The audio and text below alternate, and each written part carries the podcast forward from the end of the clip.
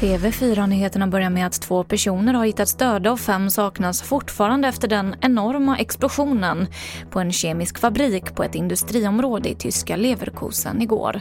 Myndigheterna larmade om extrem fara i närområdet men kunde senare upphäva varningen.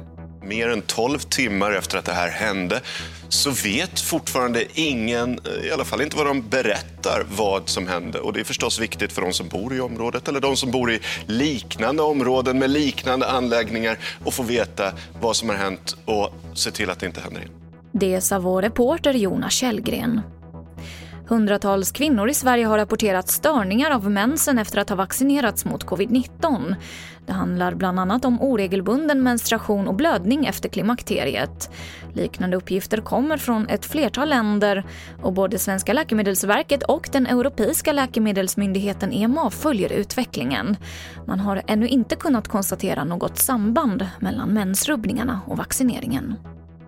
Och så till sist så kan vi berätta att det finns nu tecken på att flodpärlmusslan kan komma tillbaka genom återplantering enligt Vetenskapsradion. Flodpärlmusslan har länge spelat en viktig roll för att rena rinnande vattendrag i Sverige. Men beståndet av musslan har under de senaste hundra åren minskat drastiskt.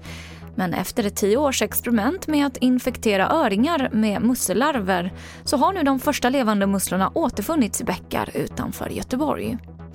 Och det här var det senaste från TV4 Nyheterna. Jag heter Emily Olsson.